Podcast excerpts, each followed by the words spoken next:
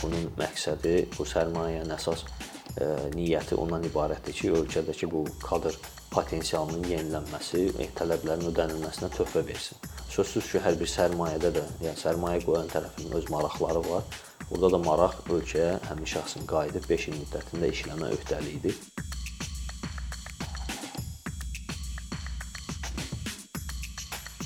Bu yeni dövlət proqramını ortaya çıxaran səbəblərdən başlamaq istəyərdim. İlk İlk deyəndə, yəni 2007-2015-ci illəri əhatə edən dövlət proqramı 7 il öncə başa çatmışdı və bu 7 il bilmirəm uzundurmu? Bu niyə bu qədər vaxt gözlədik və hansı səbəblərdən biz yeni dövlət proqramına başlayırıq və bu proqramın icrası Azərbaycanda əmək bazarında hansı çağırışların həllinə kömək edəcək? Çox sağ olun. Mən də təşəkkür edirəm dəvətiniz üçün. Qeyd etdiyiniz, e, yəni 2007-2015-ci illərdə dövlət proqramı artıq 2015-ci ildə ona sonuncu qəbul həyata keçirilmişdi və e, bu proqrama 15-ci ildə qəbul olan şəxslərin 19 və növbəti illərdə müəyyən akademik məzuniyyətlər səbəbi ilə təhsili yubanan şəxslərin, yəni bu dövr ərzində təhsil almışdılar və ondan təhsil də maliyyələşdirilmişdi həmin dövr ərzində bir növ qəbul hissəsi başa çatsa da, amma tələbələr var idi və oxuyurdu bu qeyd etdiyiniz 7 il ərzində. Və həmin dövrdə bu 2007-15 dövlət proqramında təhsil səviyyələri üzrə əsas 3də 1-ni magistratura təhsil səviyyəsi üzrə təhsil belə deyək yerlər tuturdu və proqram 2015-16-cı ildə başa çatdıqdan sonra qəbulu və yeni bir onun məntiqi davamı olaraq yeni bir dövlət proqramının üzərində işlənilməyə başlanıldı və 2019-2023-cü illərdə dövlət proqramı dediyimiz bu ali təhsil sisteminin e, rəqabət qabiliyyətinin artırılmasına hədəflənən bir proqram qəbul olundu və bu proqramda da iki istiqamət var idi. Biri ikili diplom proqramları, digəri isə xaricdə doktorantura təhsilinin e, maliyyələşdirilməsi idi. Burada o məntiqi davam qeyd etdiyimiz nəyi vurğulayırıq? Yəni 3də 1 magistraturada olub 2007-15-də və bunların içərisindən kimlərsə doktoranturada təhsilini davam etdirmək niyyəti var idi və bu çağırışların da qarşılanması, eyni zamanda ali təhsil sisteminin də imkanlarının gücləndirilməsi məqsədi ilə 19-23 dövlət proqramı qəbul olundu. Və bu proqram artıq 2022-ci ildə idi və orada 4 2 il diplom proqramı həyata keçirilir və 127-dən artıq doktorant xaricdə nüfuzlu ali təhsil müəssisələrində hal-hazırda tədqiqat aparırlar və doktorantura üzrə təhsil alırlar və Bu müddət ərzində eyni zamanda 7-15-in nəticələrinin təhlili üçün də bir imkan yarandı və həmin dövr ərzində artıq onun nəticələri təhlil olundu və uğurlu olması qənaətinə belə deyək gəlindi və cənab prezidentin gənclərlə bu fevral ayında keçirdiyi görüşdə də bu vurğulandı və proqramın ölkənin yeni çağırışları və əmək bazarının ümumi qlobal çağırışlara uyğun formatda yenidən işlənməsi zərurəti ortaya çıxdı və bu hazırlandı və təsdiq olundu. Və bu yeni dövlət proqramında əsas məqsəd yenə ölkənin əmək bazarının müasir bilik və bacarıqlara malik kadr potensialının qısa müddətdə ödənilməsidir. Yəni indi iqtisadi çağırışlar əsas yüksək deməli texnologiyaları çevik tətbiq edə bilən bacarıqlara malik kadrlara ehtiyacdır. Eyni zamanda nanotexnologiya, robototexnika, pilotsuz uçuş aparatları, kiber təhlükəsizlik, yəni bu istiqamətlərdə istər ölkəmizdə və istər dünyada ən üstün, ən yaxşı universitetlərdə hazırlanmış mütəxəssislərə ehtiyac böyükdür. Və bu reallıqlar nəzərə alınaraq 2022-26-cı illərdə dövlət proqramı təsdiq olundu və qəbul olundu. Qeyd etdiyiniz kimi orada ilə 400-ədək e, deməli şəxsin e, xaricdə təhsilini maliyyələşdirilməsi hədəflənir.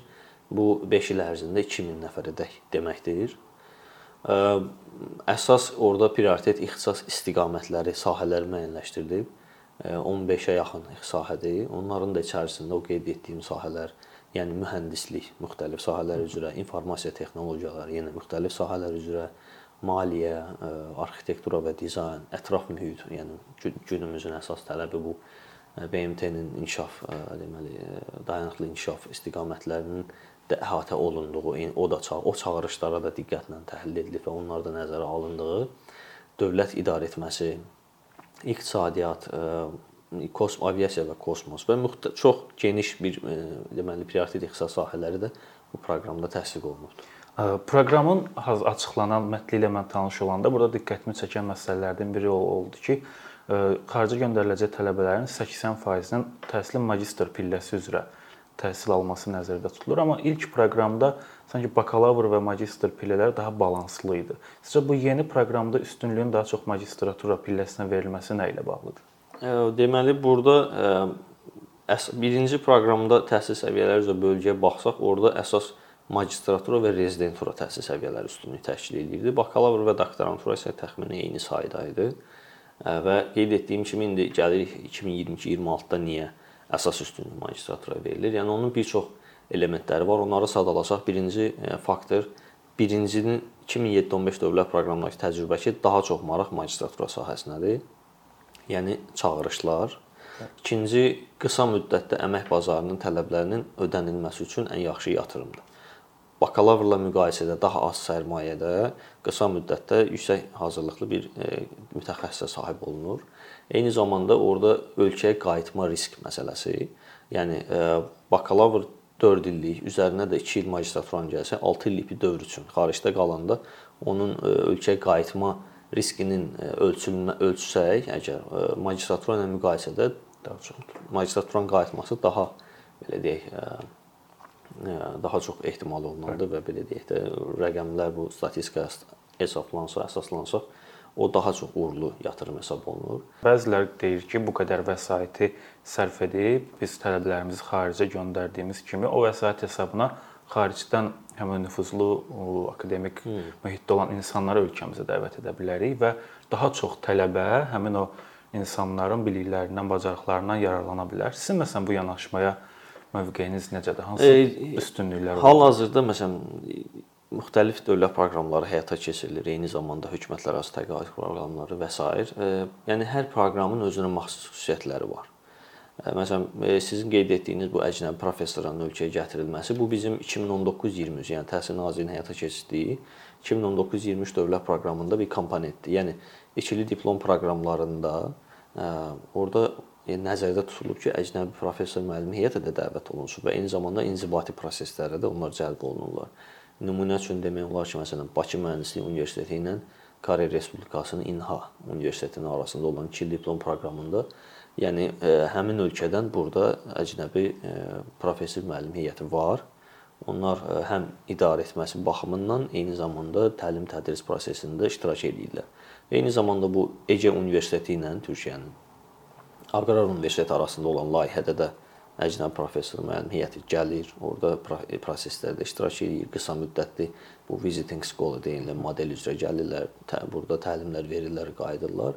Eyni zamanda Ada Universiteti ilə George Washington layihəsində, Pedaqoji Universitetinin George Washington layihəsində də yəni həmin komponent var. Yəni e, artıq e, bir növ balans yaranıb. O biri e, deməli qeyd etdiyimiz proqramla əcnəbilər burada gəlirlər, həm prosesə cəlb olunurlar. Eyni zamanda bizim tələbələr də gedir. Bir növ bir sinerji yaradılıb. Bundan əlavə isə universitetlərin özlərinin də, yəni e, müxtəlif e, deməli layihələrlə əcnəbi müəllimləri bura dəvət edirlər. Avropa İttifaqının layihələri ola bilər. Yəni ikili mübadilə proqramları ilə həm professor müəllim, həm tələbə baxımından universitetlər yəni o imkandan da istifadə edirlər. Keçmiş təcrübələr var və şəxsən sizin də fikriniz mənə maraqlıdır ki, çünki bilirik ki, bu proqramların maliyyələşdirilməsi əsasən Dövlət Neft Fondunun vəsaiti hesabına Mən. təmin olunur və Dövlət Neft Fondunun vəsaiti bir növ ictimai vəsaiti və bu fondun vəsaitinin işləməsində məntiq Azərbaycanda indi və gələcəkdə yaşayacaq insanların bir növ rifahını yaxşılaşdırmaqdır. Və olan təqdirdə əgər həmin adamlar qayıtmasa, sual oluna bilər ki, niyə ictimai vəsait sırf Azərbaycana ə, sərf edilmir son nəticədə belə demək mümkünsə. Bununla bağlı hansı mexanizmlər var və mənə maraqlıdır ilk proqramda qayıtmaq şərti var idimi və ya bunun yoxlama mexanizmləri necə idi və indiki ə, proqramla bağlı ilkin nələrsə varmı ortaya çıxan? Bu deməli 2007-15 dövlət proqramında deməli hər bir dövlət proqramı məzunu təhsil almağa getməmişdən öncə Təhsil Nazirliyi ilə müqavilə imzalayırdı və bu Nazirlər Kabineti tərəfindən təsdiq olunmuş öhdəliklər və sair qeyd olunmaqla və orada hər bir e, təqaüdçü 5 il e, ərzində təhsilini başa çatdırdıqdan sonra ölkədə işləmək Azərbaycanda istənilən sərbəst, yəni dövlət, özəl fərq etmir, ölkədə istənilən sahədə işləmə öhdəliyi daşıyır. Daşıyırdı və indi də daşıyır.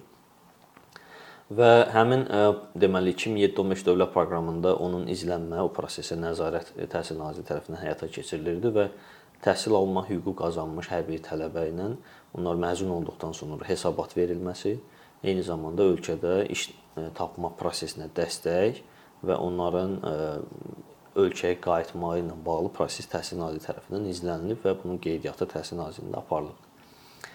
Və Orda müsbət məqam ondan ibarətdir ki, qeyd etdiyimiz kimi bu proqramın qəbul olunmasına əsas təkanlardan biri də odur ki, yəni 7-15 dövlət proqramının uğurlu nəticələri, yəni təqaüd təhsil alma hüququ qazanmış şəxslərin böyük bir qismi ölkədə müxtəlif dövlət və özəl qurumlarda, aparıcı vəzifələrdə, hətta ölkənin idarəetmə səviyyəsində, siyasi idarəetmə səviyyəsində də nüfuzlu vəzifələrdə, bu rəhbər vəzifələrdə çalışırlar. Eyni zamanda Təhsil Nazirliyinin özü həmin dövlət proqramının məzunudur və müxtəlif dövlət qurumlarında da rəhbər şəxslər, yəni proqram məzunlarıdır və eyni zamanda özəl sektorda da e, özlərinin xüsusi startap layihələri ilə e, tibb sahəsində, yəni ölkəmizdəki uzman tibb e, sahəsindəki uzmanlar belə deyək bir ordusu deyək, bu həmin kontingenti də əksəriyyəti bu dövlət proqramının belə deyək nəticələridir və onlardır.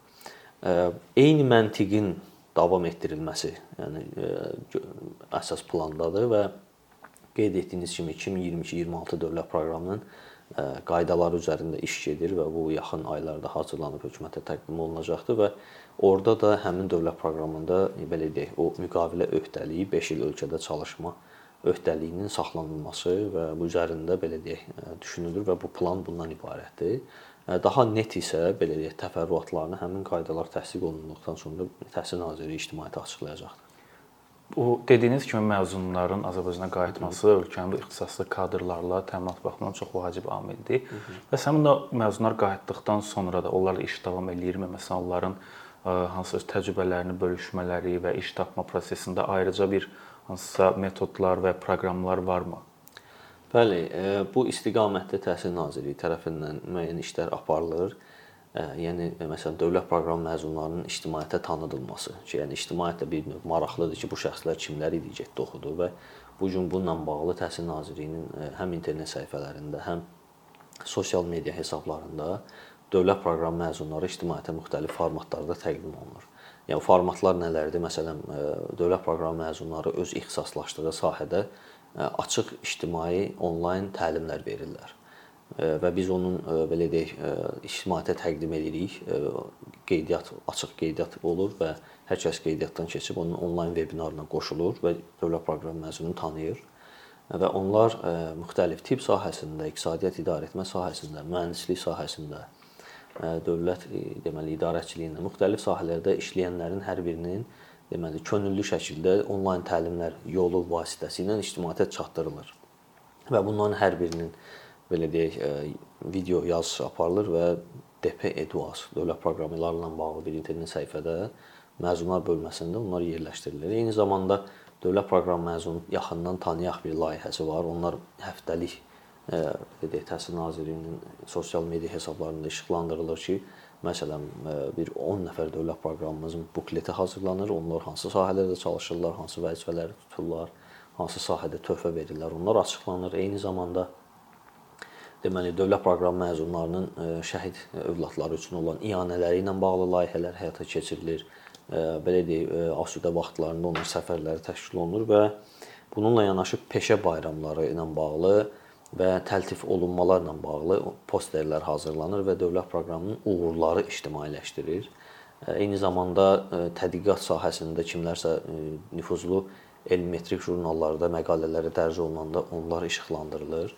Dövlət proqramı məzunları ilə bağlı xüsusi rüblük icmal var. O hər ildə 3 dəfə hazırlanaraq ictimaiyyətə çatdırılır və orada onların belə deyək təqdim olunması həyata keçirilir. Bununla yanaşı müxtəlif e, Azərbaycandakı kütləvi informasiya vasitələrinin Təhsil Nazirliyinin sorğuları daxil olur və orada xaricdə təhsil almış dövlət proqram məzunları ilə müxtəlif məsələlər barədə e, verilişlərə dəvət olunması, müsahibələrin alınmasında Təhsil Nazirliyi bir növ həmin şəxslərin ictimaiyyətə həmin vasitələrlə təqdimatını həyata keçirir. Və bununla yanaşı Təhsil Nazirliyi ümumiyyətlə dövlət proqramı çərçivəsində eyni zamanda bilirsiniz ki, Təhsil Nazirliyi hökumətlərarası təqaüd proqramı çərçivəsində də xaricdə təhsilin idarə olunması ilə məşğuldur və həmin çərçivədə də təhsil almış şəxslərin iş tapması ilə bağlı, eyni zamanda işə götürənlərlə əlaqələndirilməsi vasitə prosesində də vasitəçilik eləyir. Bununla yanaşı məsələn dövlət proqramı məzunları var ki, məzun olub bitiriblər, ölkəyə gəliblər. İş tapmada müəyyən suallar var. Onlar nazirliyə müraciət edir və bizim onların siyahısını hökumətə təqdim edirik və hökumət və bütün dövlət qurumlarına bunu təqdim edir və həmin qurumlar isə öz ehtiyaclarına uyğun olaraq onları işə götürürlər. Dövlət qulluğuna qəbulla bağlı yəqin ki, məlumatınız var. Dövlət proqramı məzunlarının xüsusi imtiyazı var. Dövlət qulluğu haqqında qanunun 28.13-cü maddəsinə əsasən dövlət proqramı məzunları dövlət qulluğuna qəbulun müsahibə və müsabiqə mərhələsindən azaddır. Yəni birbaşa vəzifəyə təyin olunma belə bir e, hüquqları var. Yəni bunun özü çox böyük bir e, belə deyək, e, imtiyazdır və onlar üçün motivasiyadır ki, istənilən e, dövlət proqramı məzunu müvafiq vakansiyaya müraciət edə bilər onun ora işə götürülməsi üçün. Yəni bununla yanaşı eyni zamanda dövlət bu yeni 2022-26 dövlət proqramının da tədbirlər planında sırf işə götürmə, məzunların məşğulluğu ilə bağlı bir müddəa var, tədbir var və orada tapşırıq verilib ki, onların çalışdıqları yerlərdə vəzifədə irəli çəkilməsi, eyni zamanda məşğulluğun təmin olunması ilə bağlı müəyyən dəstəkləyici tədbirlər görülsün. Sözsüz ki, burada yəni əvvəlki idarəetmə modelləri üzrə dövlətin göndərişi əsasında e, olması bu arzu belə deyək, olunan model deyil. E, indi daha liberal bir e, mühit və cəmiyyətdir və burada hər kəs öz arzuladığı, istədiyi dövlət qurumunda, özəl qurumunda çalışmaq iqtidarındadır və dövlət proqramı məzunları da xüsusi belə deyək, nüfuzlu ali təhsil müəssisələrində təhsil aldıqları üçün onların iş tapmama faizi çox belə deyək də aşağıdır digər məzunlarla müqayisədə onların elə böyük sıxıntı çəkdiyi belə deyək təcrübədə görünmür ki, məsələn kimsə e, iş axtarma prosesindədir. Olur müəyyən qərar vermədə müəyyən çətinliklər və s. və yəni bu prosesdə də biz özəl e, tərəfdaşlarla bu bank sektorudur, sığorta sistemidir, e, eyni zamanda təşkilatlardır, maliyyə təşkilatlarıdır. Onlar nazirliyə müraciətlər edirlər. Biz onların vakansiyalarını, onların əlaqələndirilməsinə sosial media hesabları vasitəsilə Eyni zamanda dövlət qurumlarının özlərinin sorğuları daxil olur ki, yeni dövlət proqram məzunlarının onlara təqdim olunması, işə götürməklə. Yəni bu proses bir növ Təhsil Nazirliyində diqqət mərkəzindədir və çünki dövlətin investisiyasıdır və bunun məqsədi bu sərmayənin əsas e, niyyəti ondan ibarətdir ki, ölkədəki bu kadr potensialının yenilənməsi, e, tələblərin ödənilməsinə töhfə versin.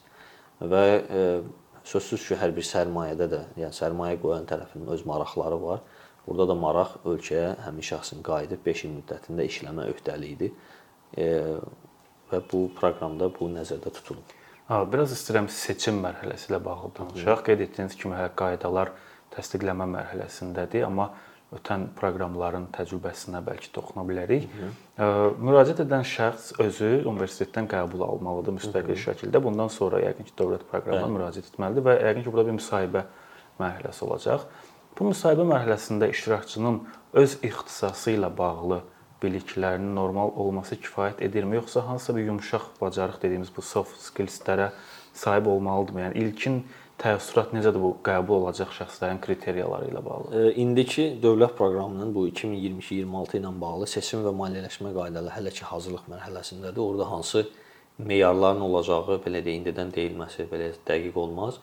Lakin təcrübəni mən sizə deyə bilərəm ki, e, yenə eyni qaydada olacaq ki, 2007-15-də olduğu kimi, yəni şəxs özü e, Təhsil Nazirliyinin elan etdiyi müvafiq ali təhsil müəssisələrindən qəbul məktubu əldə etməli olacaq. Bu birinci əsas vacib elementdir.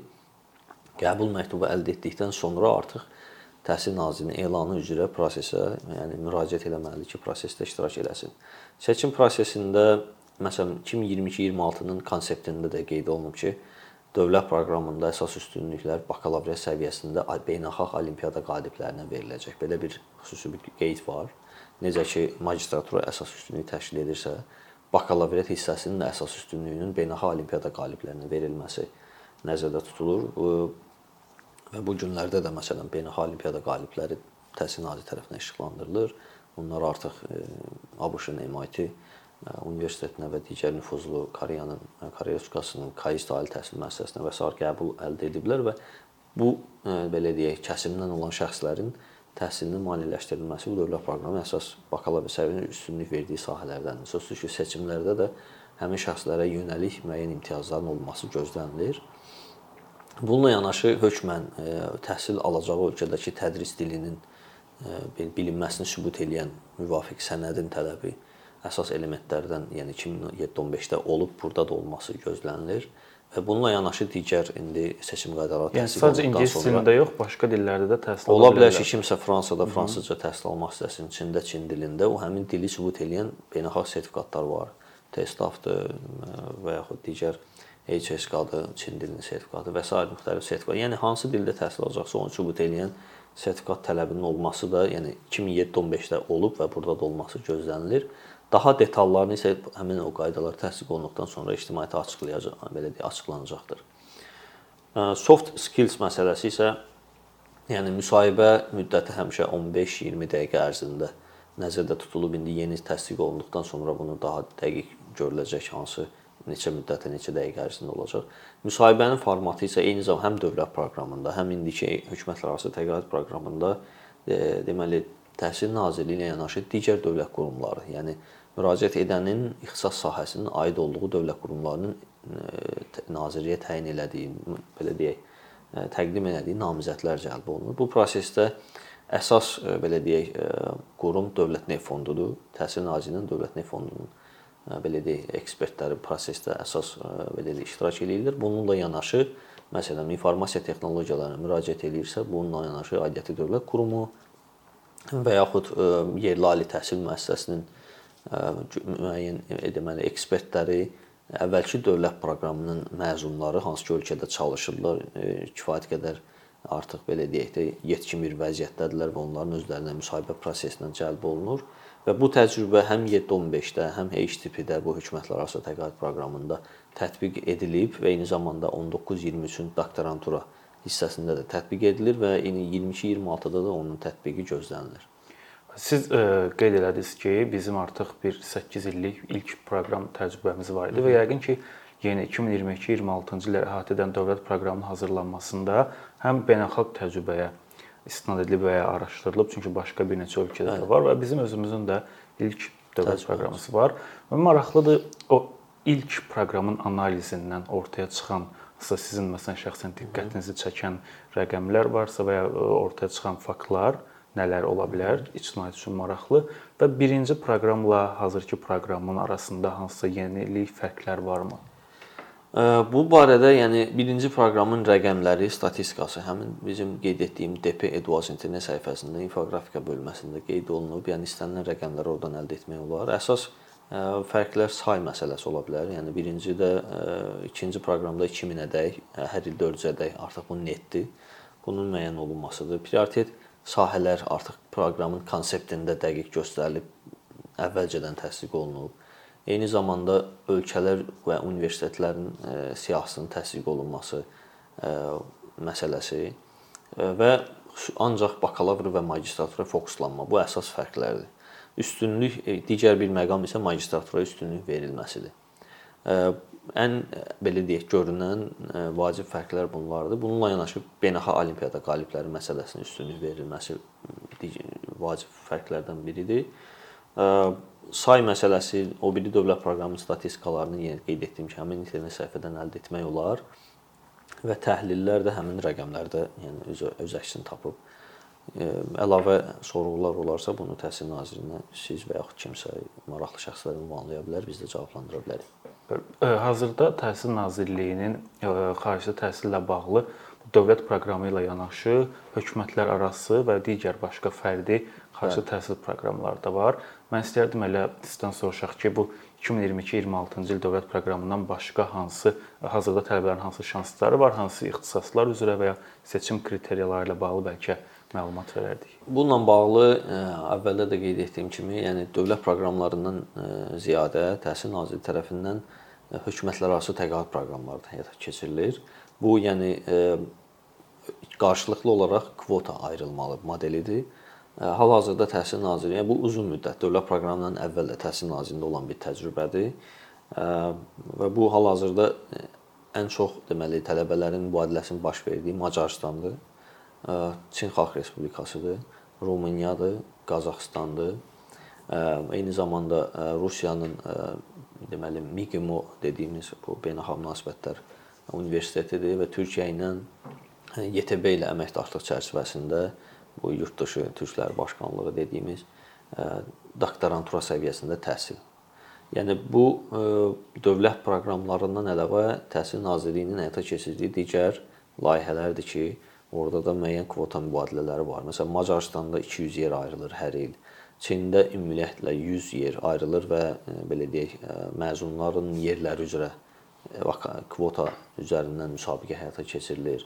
Rumuniyada 5 yer ayrılır, Qazaxıstanda 10 yer ayrılır.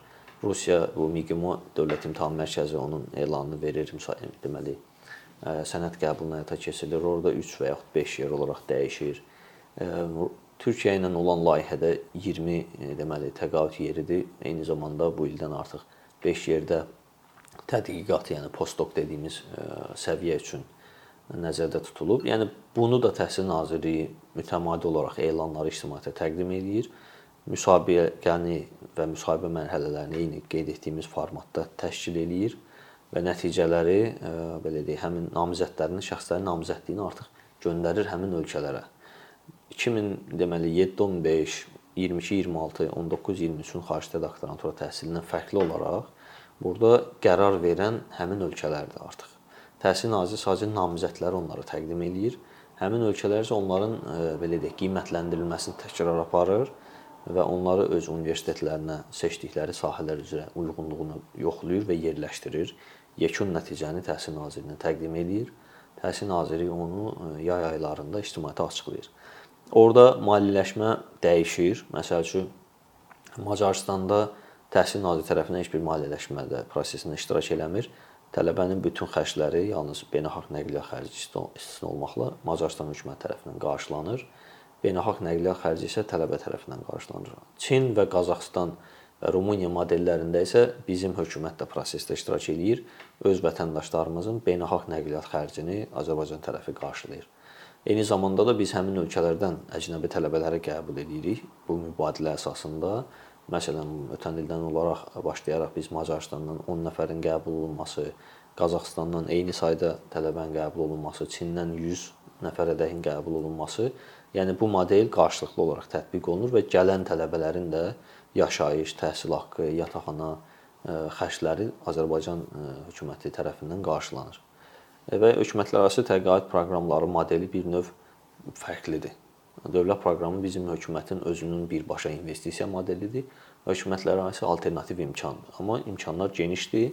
Bildiyiniz kimi Macarıstanın və Çinin də eyni zamanda qeyd etdiyim Türkiyənin və Rusiyanın qeyd edilən universitetinin də nüfuzu beynəlxalq reytinq cədvəllərində kifayət qədər yaxşı yerlərdədir. Hətta Çinin top 10-da yerləşən universitetləri var. Yəni bizim ötən il məsələn açıqladığımız siyahıda Sinxuaya qəbul olunmuş, yəni top 10-a düşmüş Çin universitetlərindən, yəni şəxslər e, var və onlar da kifayət qədər e, belə deyək, uğurlu təhsil alırlar. Orda yeganə fərq ondan ibarətdir ki, dövlət proqramında 5 illik ölkəyə qayıtma öhdəliyi modeli var, amma hökumətlərarası təbəqət proqramlarında bu yoxdur.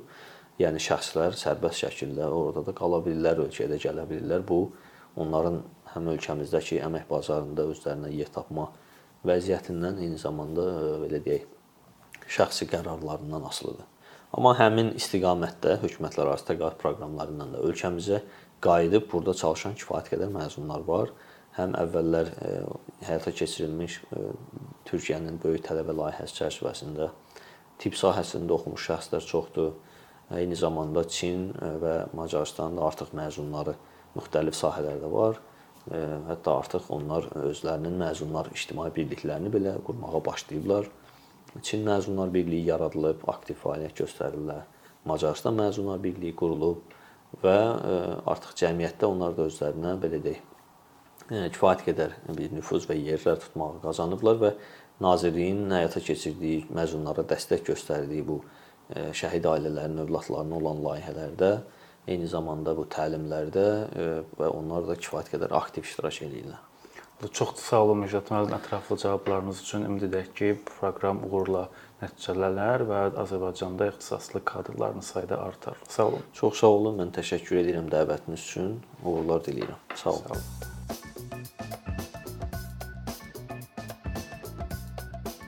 Bir neçə ildir ki, əkinçi olaraq azərbaycanlı izləyicilərin hər zaman faydalana biləcəyi keyfiyyətli və ən əsas ödənişsiz kontent hazırlamağa çalışırıq. İndiyədək təqdim etdiyimiz onlarla animasiya və yüzlərlə çəkilişlər tələbələrin, mütəxəssislərin, müəllimlərin və ümumiyyətlə yeni mövzulardan xəbərdar olmaq istəyən çox sayda insanın marağına səbəb olub.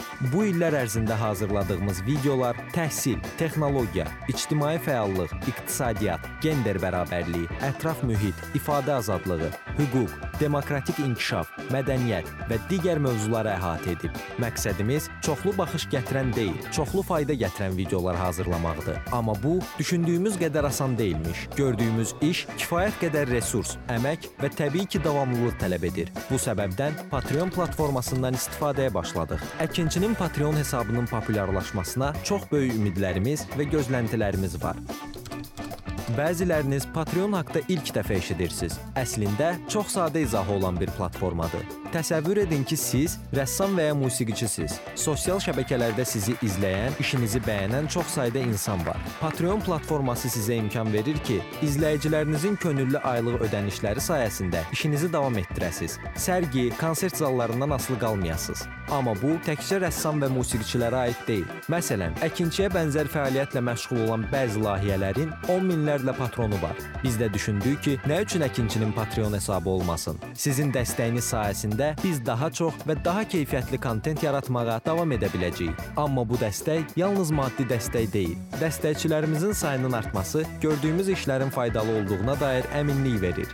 Patreon platformasından istifadə çox sadədir. Hesabınızı açırsınız, sizə uyğun dəstək növünü seçirsiniz və Patreon özü hər ayın ilk günü kartınızdan seçdiyiniz dəstək növünə uyğun ödəniş tutur. Bu qədər. Sonda onu demək istəyirik ki, dəstəkçilərin sırasına qoşulmaq istəyən, amma məhdud imkana görə bunu edə bilməyənlər narahat olmasın. Daha öncə dediyimiz kimi, bizim əsas məqsədimiz daha çox insanın hər zaman faydalana biləcəyi keyfiyyətli və ödənişsiz kontentin yaradılmasıdır. Bunun üçün mütləq patronumuz olmalısınız deyə məcburiyyət yoxdur. Amma imkanınız patron olmağa çatırsa və bizim işimizi bəyənirsinizsə, patronlarımızın sırasına qoşulmağınız bizim üçün çox önəmlidir.